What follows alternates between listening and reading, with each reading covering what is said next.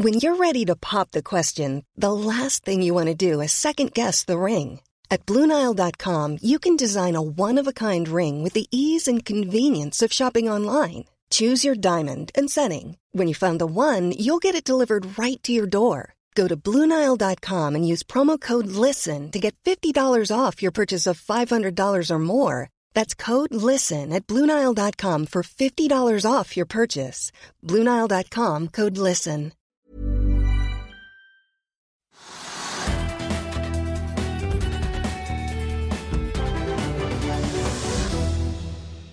Velkommen til Økonominyhetene i dag, onsdag. I dag skal vi se nærmere på hva som rører seg på Oslo Børs. Vi skal også innom Asia, Europa og USA.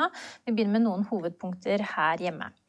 Vi tar med at SEB oppgraderer anbefalingen på Flex LNG fra hold til kjøp og hever kursmålet fra 70 til 130 kroner. Aksjen stiger akkurat nå 9% Desert Control har sin første noteringsdag på Euronext Growth i dag. Selskapet har laget flytende leire som gjør at toppjord, sandholdjord og ørkensand får tilbake evnen på å holde vann og næringsstoffer.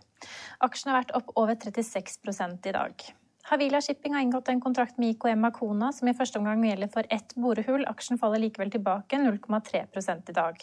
Vi tar også med oss at meglerhuset UBS oppjusterer kursmålet på Yara fra 450 til 465 kroner og gjenta kjøp, og utviklingen i aksjen er imidlertid flat akkurat nå.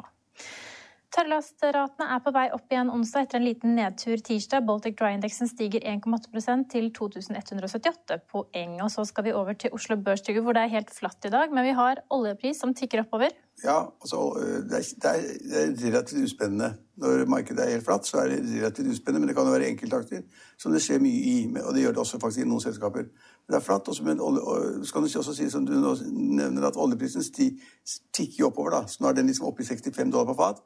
Men det har ikke påvirket markedet noe særlig på Oslo Børs. Og, og, og hvorfor den tikker oppover, er fordi at eh, OPEC-landene har vært flinke til å si at ja, vi har faktisk åpnet opp for mer produksjon. og litt, Da kan det presse prisen ned og ikke opp. Eh, men vi har regnet med det at etterspørselen blir såpass mye større fremover at selv om vi da har åpnet opp, så vil det bli absorbert i markedet, og prisen vil kunne holde seg høye, sier de. Og da sier de, da sier de at liksom etterspørselen hver dag vil være ja, Hvor mye er det de sier? De sier 95 millioner fat per dag. eller sånn nå. Det har vært oppe i 100, og så har det falt ned til ca. 90 millioner fat per dag. etterspørselen. Og så sier de at de kommer tilbake for verden er i ferd med å komme opp fra lockdown og hva det måtte være. Uh, og det sier de, men oljeprisen siger oppover fordi de har tillit til at OPEC faktisk vil da sørge for at den blir værende der, kanskje. Så, det er rent, så, det, så oljeprisen er på en måte den er på vei oppover, men det har ikke stor betydning for Oslo Børs. Eh, men så har vi da andre ting, sånn som vi har snakket veldig mye om før, hvor vi var ganske gode i lange tider. Det er da at vi har fått en kjempesmell på Grieg Seafood. Ja, Sjømataksjen faller nesten 11% akkurat nå. Ja, og det er da uh, Carnegie som slakter den aksjen og sier da at de kommer til å trenge penger, og de får ikke til noen ting. Og det var for en del år siden. Uh, tiden går jo fort. Da var jo det kjent at Grieg Seafood var det selskapet som hadde dårligst drift av oppdrettsselskapene. Så ble de bedre, ble det sa det, og så begynte de å tjene penger, og så gikk kursen veldig mye opp. Og nå har de da fått en smell i dag, fordi da, da de som kan ganske mye, de kan ganske mye om oppdrett, eh, oppdrettsselskapene, når de da sier at det er skummelt og de må skaffe seg mer penger osv. ved en emisjon eller noe lignende, eh, grovt sagt, så er det ikke bra for Grieg Seafood. Ja, De sier rett og slett at eh, selskapet er tom for kontanter og trenger en emisjon på 1-2 milliarder kroner for å komme seg gjennom 2021. Ja, og Hvor mye har aksjen falt nå? Den har falt 11% Den burde falt mye mer. Hvis, altså, hvis det var noe hold i den analysen, så burde den falt mye mer, selvfølgelig. Mange avventer nok sikkert kvartalstallene som kommer nå om et par ukers tid. Ja, det kan skje. Ja, altså, så det er negative. Men det, det... når vi snakker om emisjon, altså vi har jo andre selskaper som skal ut og hente penger eh, og, og, faktisk oppjustere hvor mye de skal hente, bl.a. Norwegian. Ja, så du kan si at det er et godt poeng eh, og et godt case. fordi at eh, På den ene siden så har vi en klar taper i Grieg Seafood, og man forstår hvorfor. og En analyse som ligger til grunn. Den kan være god eller dårlig, men sannsynligvis er den ikke veldig dårlig.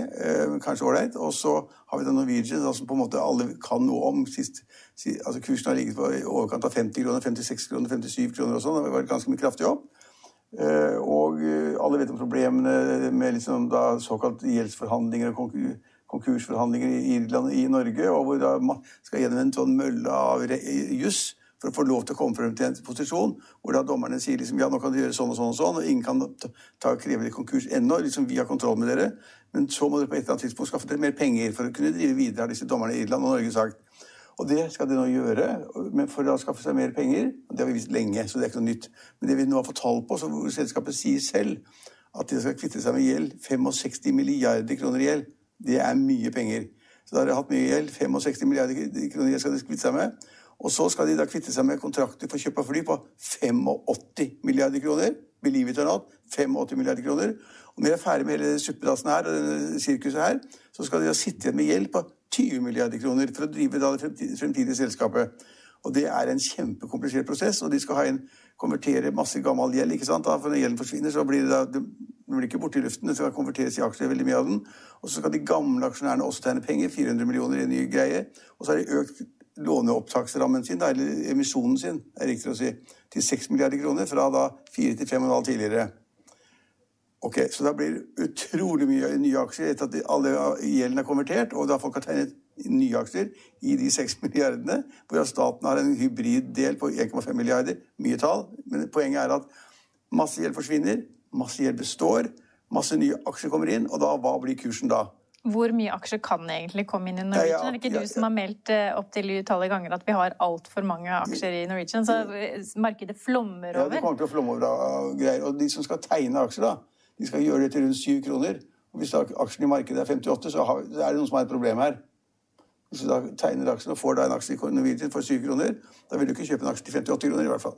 Nei. Nei så, så et, et, eller annet skal skje her. Så noe er galt. Ja.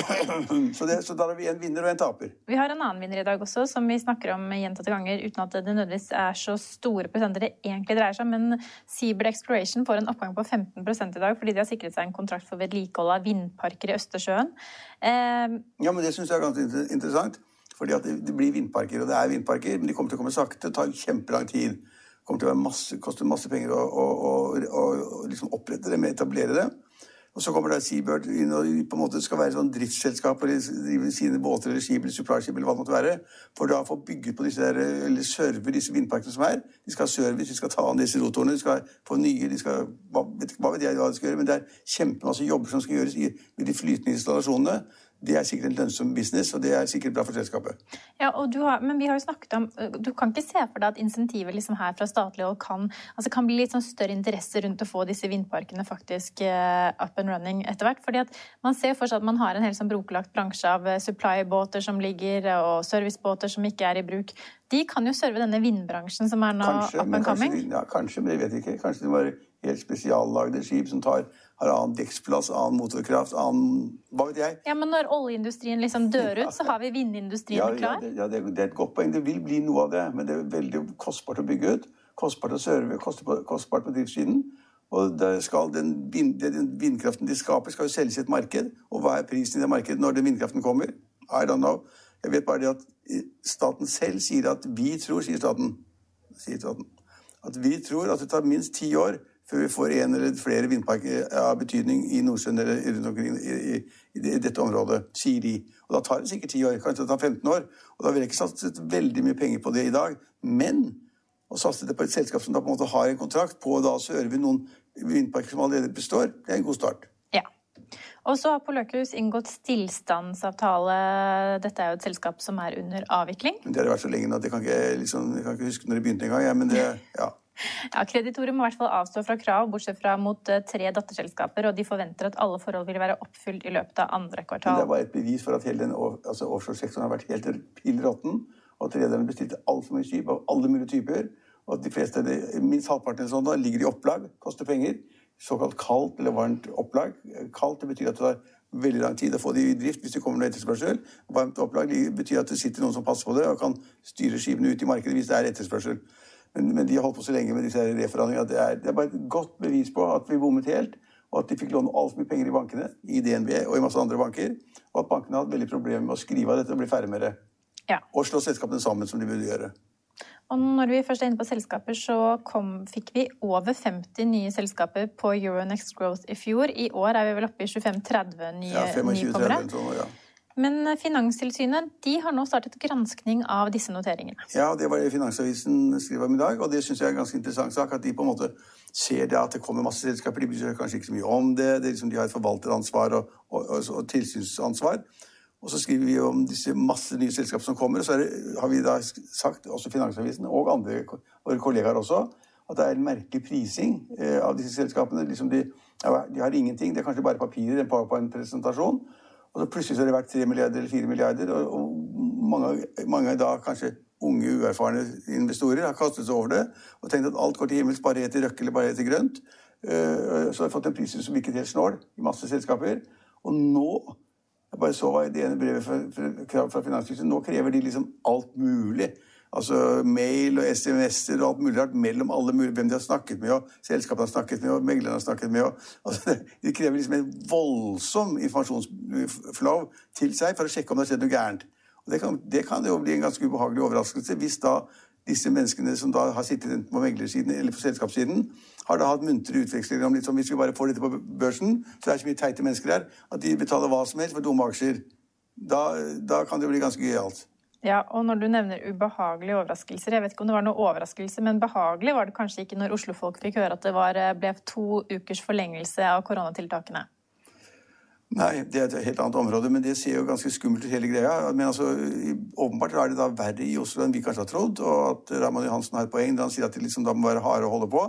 Han kan ikke slippe opp. Jeg tror han jeg har ikke lest detaljene i det som han kom, med, men kanskje han skulle slippe opp én skoleklasse, ett skoletrinn eller sånn. Ja, det blir vel litt lettelse for barn og unge og barn og unges ja, idretts... Men han sier det prinsippet sier at det er kjempeproblematisk i Oslo. Man må være veldig streng og ikke åpne opp. Og da, Hvis han mener det, så mener han, da, da har han vel dekning for det. da, Men så restaurantbransjen sier jo at nå må vi åpne opp snart, slik at vi kan servere øl 1. mai, sier de.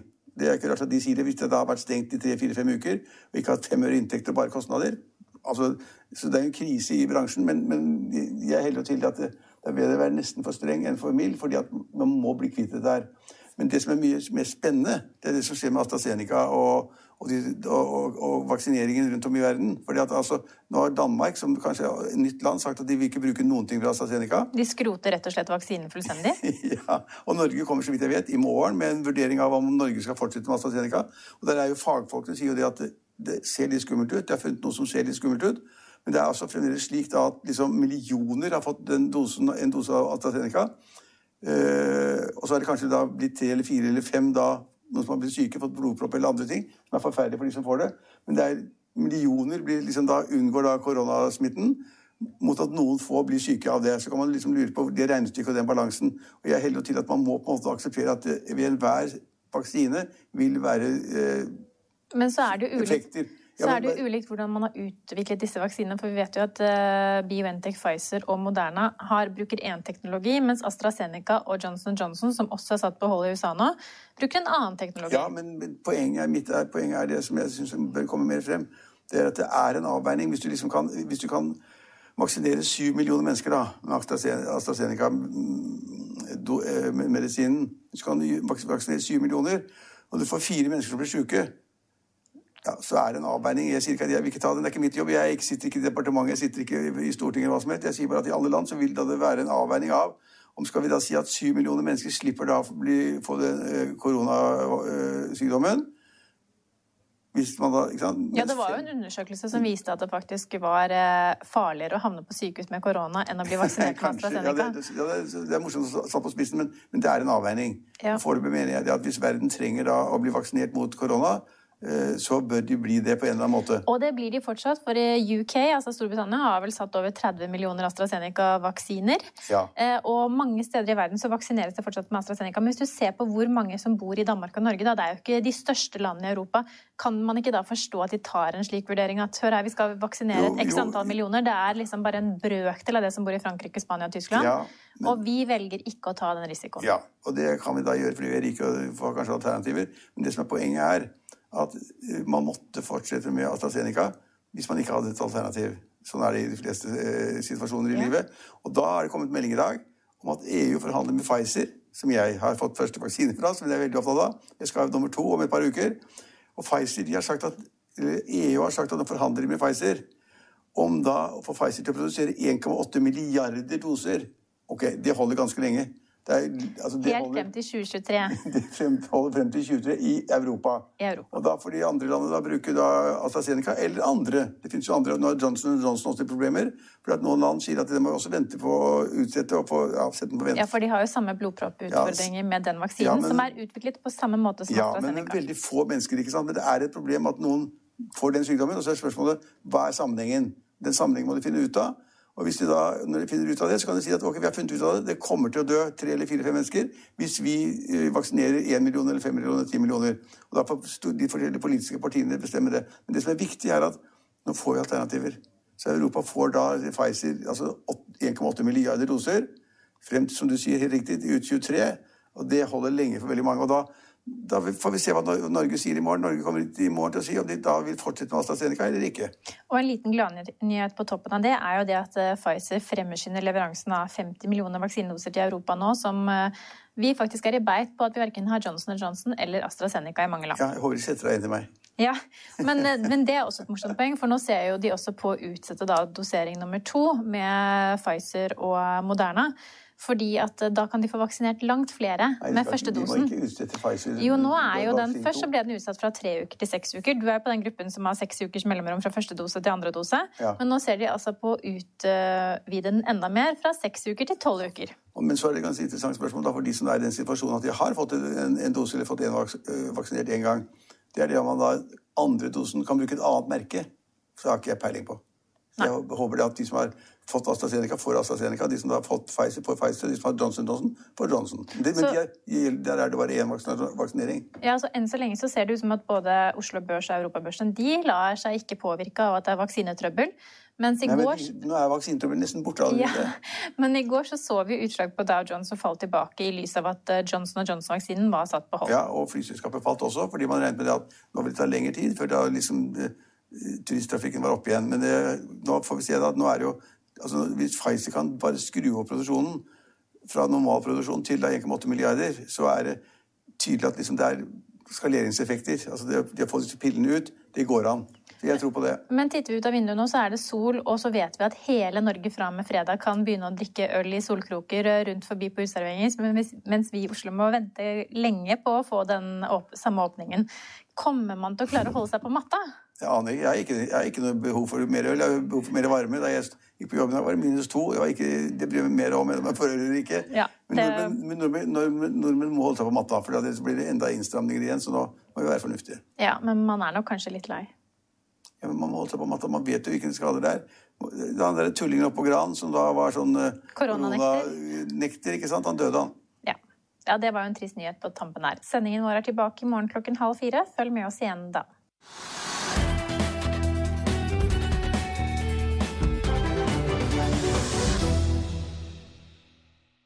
Økonominyhetene er en podkast fra Finansavisen. Programledere er Marius Lorentzen, Stein Ove Haugen og Benedikte Storm Bamvik.